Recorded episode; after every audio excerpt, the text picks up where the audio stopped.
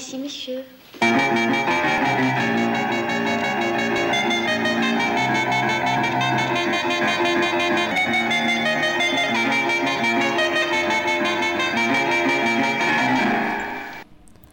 Zertarako kontatu dagoeneko ezagutzen dugun istorioa? Zertarako ibili dagoeneko ibilitako biderik? Agindutako azor, ertzogekin gatozkizue atzera, bederatzigarren ere muskampo honetan. Ertzog berriro. Ertzogek berriro egindakoak. Reverner Ertzog. Zinemagile originaletan originala den honek, bide malkartsuen maitaleak, zertarako egokitu izan du, zertarako remakeak egin, zertarako bertsioak. Zertarako bertsionatuko zuen adibidez, gora japonek, Mikel Laboa. Got its had got its it would have been mine. It wouldn't have escaped. Vipers would have been the bird.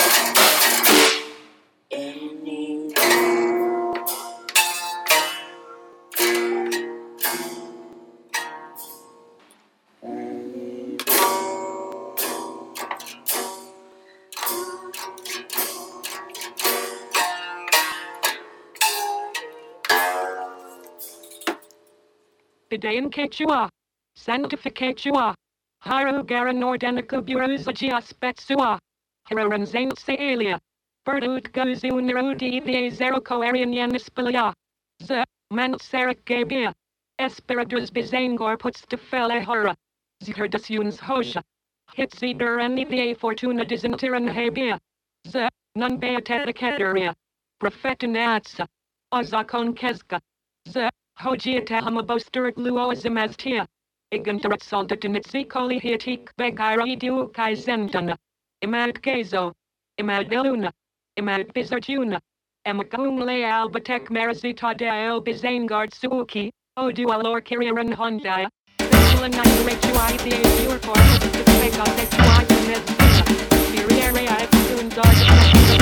I. Berenkatua, santifikatua, hirugarren ordenako buruzagi ospetsua, herriaren zaintzailea, Virtute guzien irudi eta zeruko erreinuen espilua. Zu mantxarik gabea, espiritus bezain gorputzez lehorra, zurtasunez josia,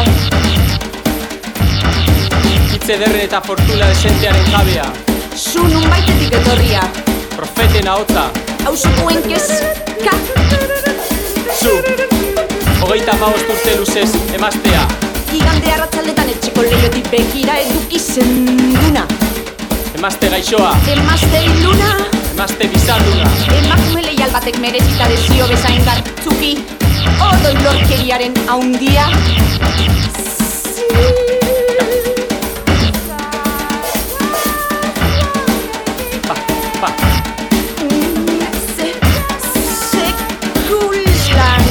izorratua eta zure gorputzez gozatua izan eskazarren, ezena. posimurra, Bere erraietako indar okerren. virtute santutasunetik segurantzia, junpetako, izo, morroa, Aitaren Guzi guztien ustelkeriaren zerbitzaile. konto batzuen ama izan. Parerik gabea.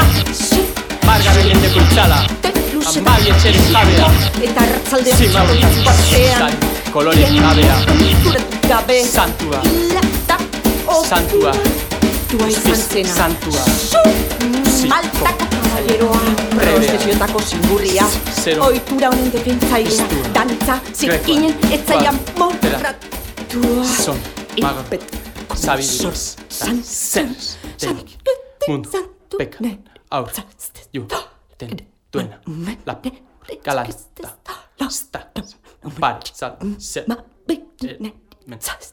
amen. Erremixaren kultura, apropiazionismoa. Dena esan da dagoenean, guazen berriro esatera, guazen desberdin esatera. Edo guazen esatera zer dakarren berdin esateak. Zinemagile alemaniarraren bi film, gaurkoan, labur izatera. Luze jardun baitugu azken aldean, luze egi. Bi historioen ardatz, multiplo komun denominatzaile, gizonkote ile hori bat. Jesukristori buruzko bakarrizketa oldarkorrak egitea gustuko duena, edo zuena. Ez, haren hitzetan min horiak jotako azala zuen tipo horri buruz, zeinak gizarte gaixo baten alde munduko putarik handiena bihurtu zen. Ez, modernoenaz, abentura zaleenaz, zeinak nahiago izan duen, sarraskitua izan, gainontzekoekin bizirik usteldu baino. Bedinkatua, Klaus Kinski, eta bedinkatua Bernard Herzog. Gaurkoan, ere muzkanpon, Xabi Landabideak eta Eneko Lazabalek nosferatu eta boitzek izango ditugu izpide. Josu Zabalak lagunduta.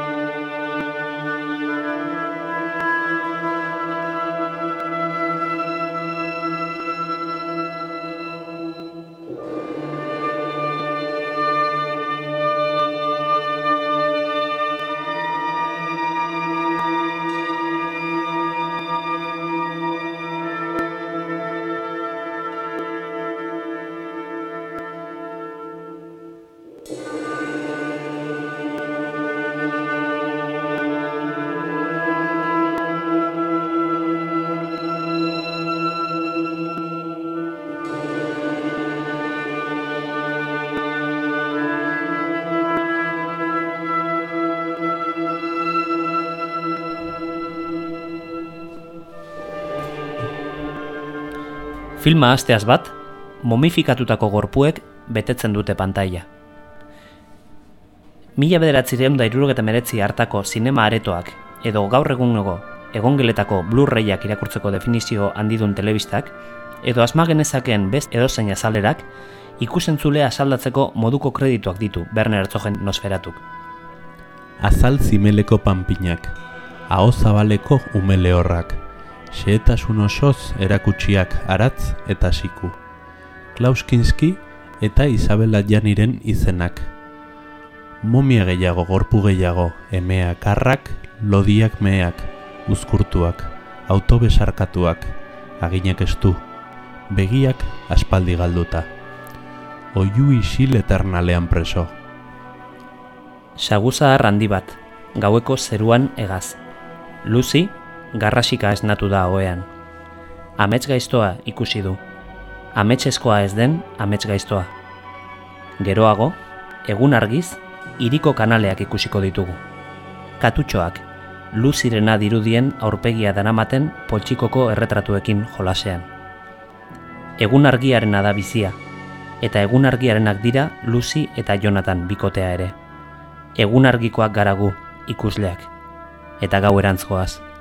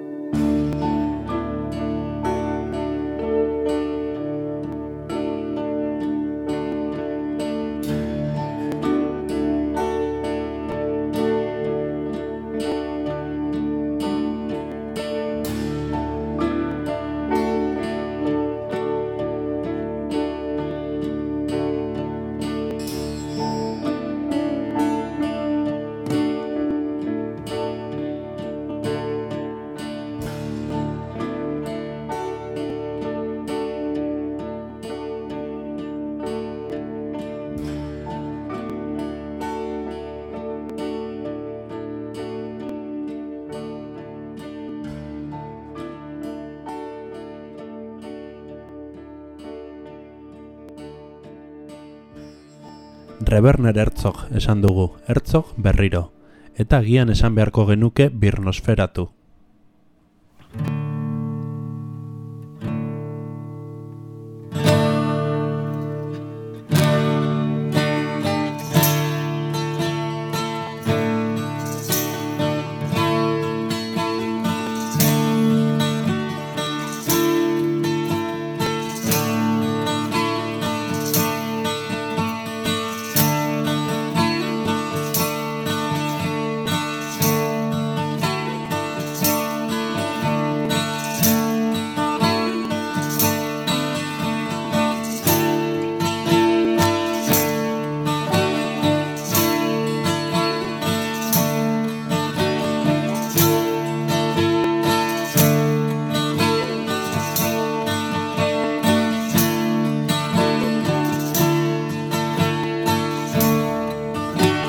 Zer den remakea edo zergatik batzuetan merezi duen ideia berari berriro ekitea. Nosferatu de Vampire filmak badaki istorioa ezagutzen dugula. Badaki, vampiroi buruzko lehen filma, Murnauren Nosferatu, Ein Symphony der Grauens, ikusia dugula dagoeneko. Baita ziurrenez, Bram Stokerren Dracula irakurrita ere. Badaki badakigula zer eskaintzen dion Reinfield buruzagiak Jonathani. Dracula kondearen gaztelura joateko enkargua ematean ziurrenik izerdia kostako zaiola, agian baita odola ere esaten dionean. Hor ere badatza filmaren oinarria. Jolasa, konplizitate tolestu hori, tolestura konplize horiek, ikustaldi bakoitzean desestaltzen direnak, bikotea ondartzan ertzean oinez gugandik aldentzen ikusten ditugun artean.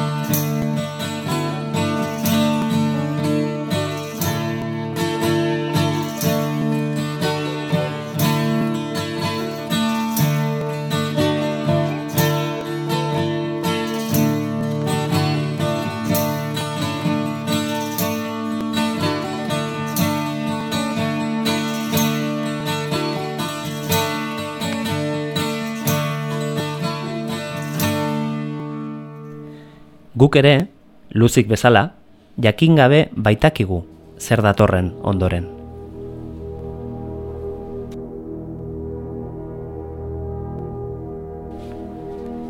Baina filmaren oinarria ez da honezkero badakigunaren destoleste hori. Edo ez hori bakarrik. Filmaren oinarria itxustasun eta edertasunaren arteko talka gordinean dago.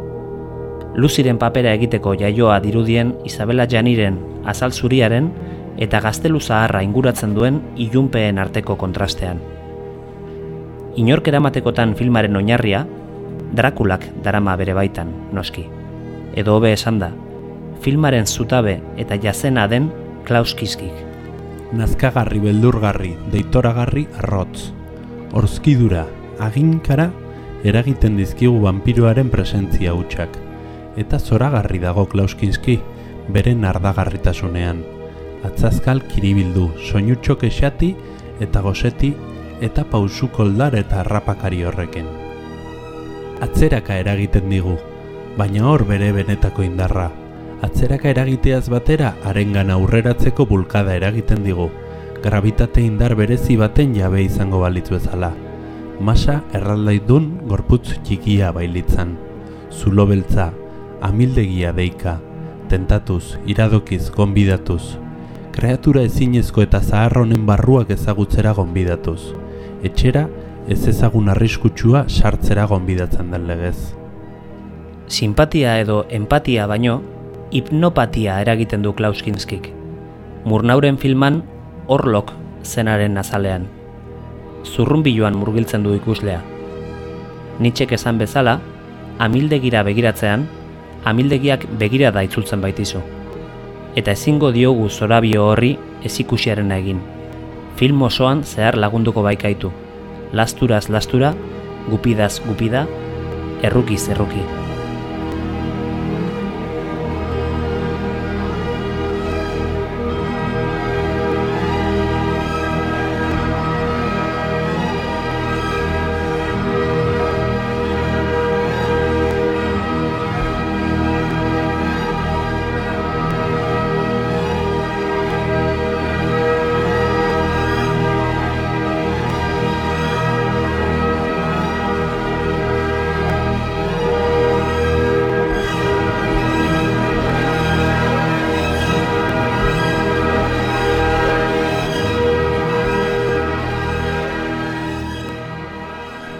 Bigarren aldiz egin zuten topo, Klaus Kinskik eta Werner Herzogek Nosferatu filman. Hau bukatu eta berehala, hirugarren proiektuari ekin zioten. Woitzeki, alegia. Pantaila beltzetik irudira. Kanpoaldea, eguna. Herri txiki poieta. Laku txiki ederraskoa. Travelin motela. Inorrez, orola saitasun. Gizon bi korrika, kamera bizkorra. Barregarria zateken komikoa eszena, kamera aurrean paratu zaigun soldaduak ezpalu alako larritasun horpegirik. Ezpalitz txilio isila arnasestuka. Ezpaligu ogoraraziko kafea prest daukan makina, lurrinaren presioa ziztari.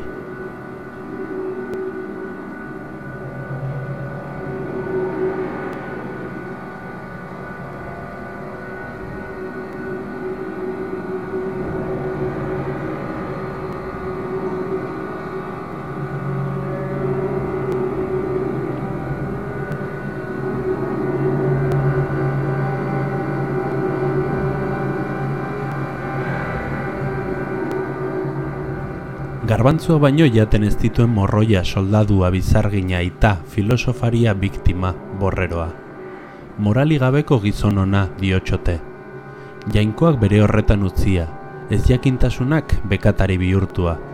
Erragela, era batekoa.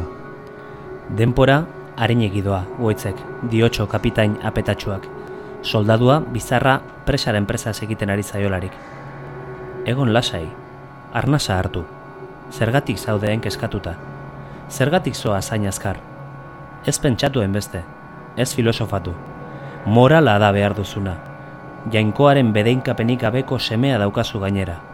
Bekatari, Elizaren bedeikapenik gabe. Goitzekek, txiroentzako jainkoaz egiten dio harrapostu. Nahaztu egiten nauzu, nahaztu, kapitainak. Natura alakoa da, diotxo, esperimentuan darabilen medikuari. Alakoa da gure egitura, gure izaera. Filosofatzen ari zara. Inoiz ikusi dudan aberratio mentalis partialis apartekoena daukazu, osagileak pozarren. Ideia finko bat, inoizkoa ez bezalakoa. Gizakiarengan ezer ez dela naturala, libre dela gizona, libre, baita beste gizonekin ark goitzek gaixoarekin jokatzen duen bezala jokatzeko ere.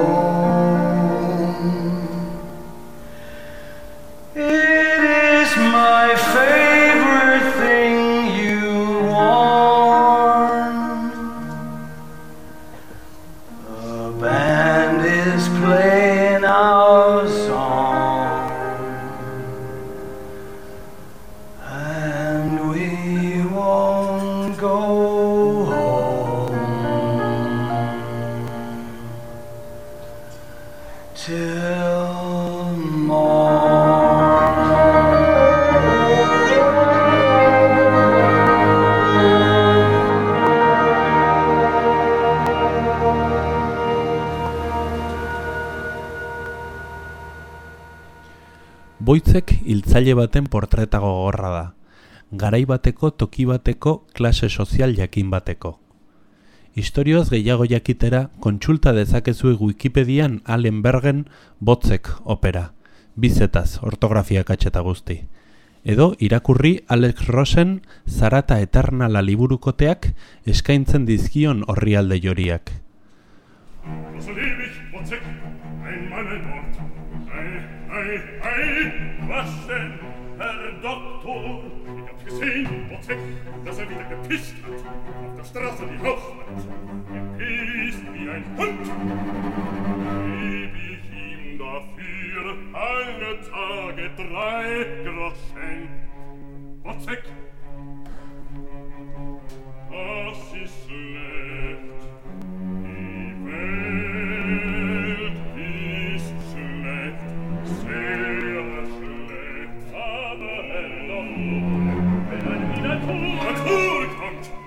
Furca! Oh, Glaube! Wahrscheinlicher oh, Irrglaube! Hab ich nicht je nachgewiesen, dass die Blase dem unter Wolfe ist? Die Natur!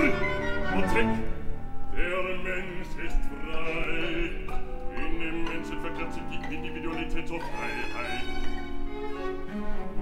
Wissen, wissen! Hat er schon seine Bohnen gegessen?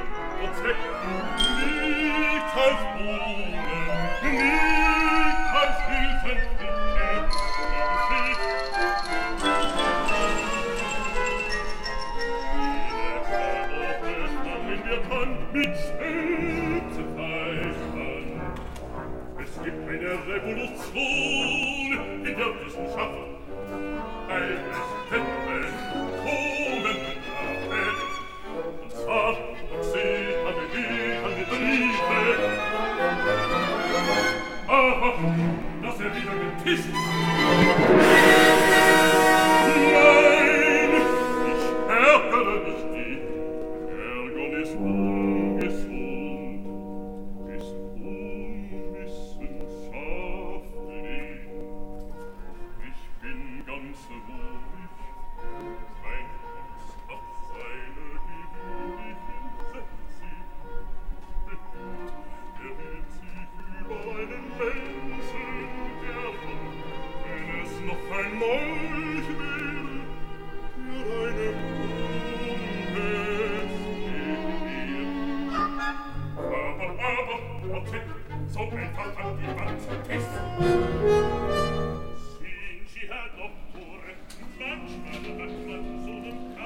Operak antzeslan bat zuen oinarri, eta gerora amaika izan dira egokitzapenak.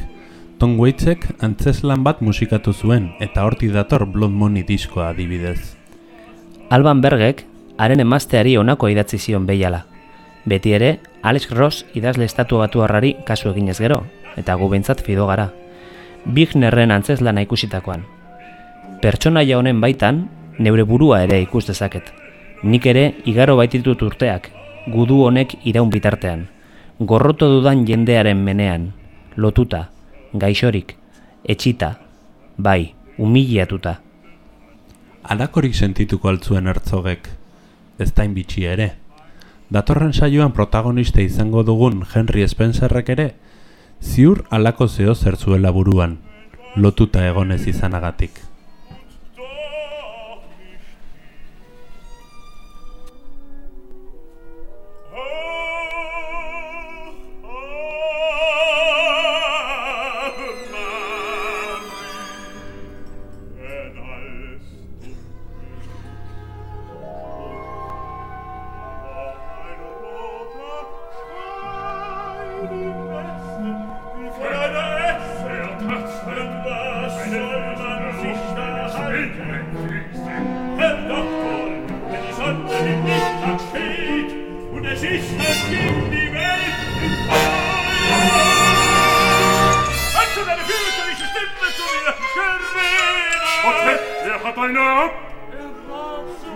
Hände haben sie schon die Ringe von den Stämmen am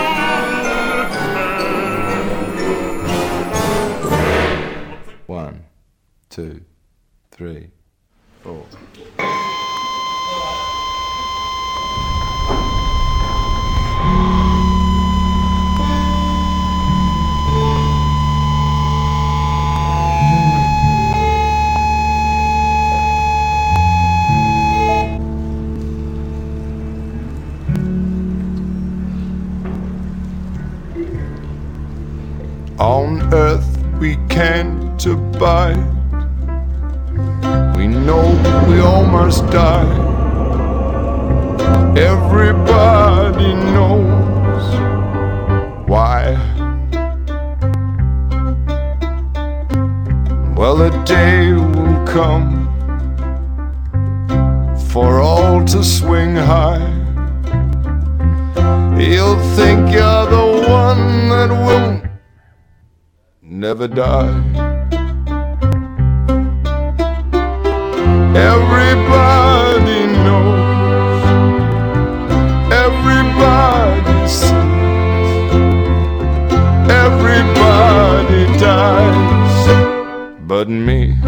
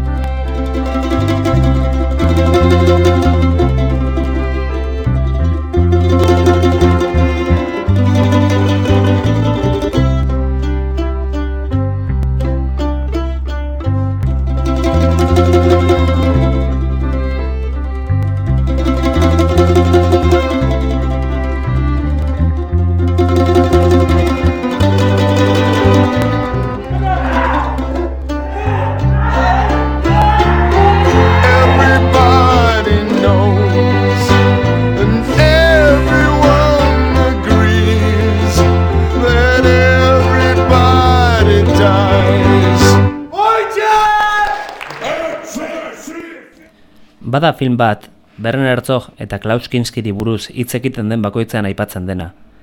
Eta ez da gutxiagorako, testigantza aparta baita. Kontatzea merezi duen harreman bat kontatzen duena. Mein liebster Feind, nire etxai mina. Guk gaur ordea, elipsi narratibo bat egin eta ari buruz hitzik ez egite erabaki dugu. Gure entzule fidelek aski ezagun izango dutelakoan Kinski eta Herzogen arteko harremana. Esan dezagun beraz, aurretik esandakoak berriro esatearen defentsan ibili ostean, inoiz guk baino hobe, baita guk ere lehen denboraldiko ere muskanpon, esandakoa berriro esateak ez duela zentzurik. Kontra esan zaleak baikara izatez. Konvergentzian baino divergentzian, eta koherentziarena baino kontra esanarena den indar sortzailean sinesten dugu gehiago. Eta, espiritu divergente horren izenean, topa egitea baino etzaigu gelditzen. Bi munstro sortzaile hauen bidea gurutzatu arazi zituen patu petral zori-zoro eta hausa hausle horren alde. Handiak izan baitziren biak eta handiagoak elkarrekin. Elkarren alde edo elkarren kontra, baina eskuz esku.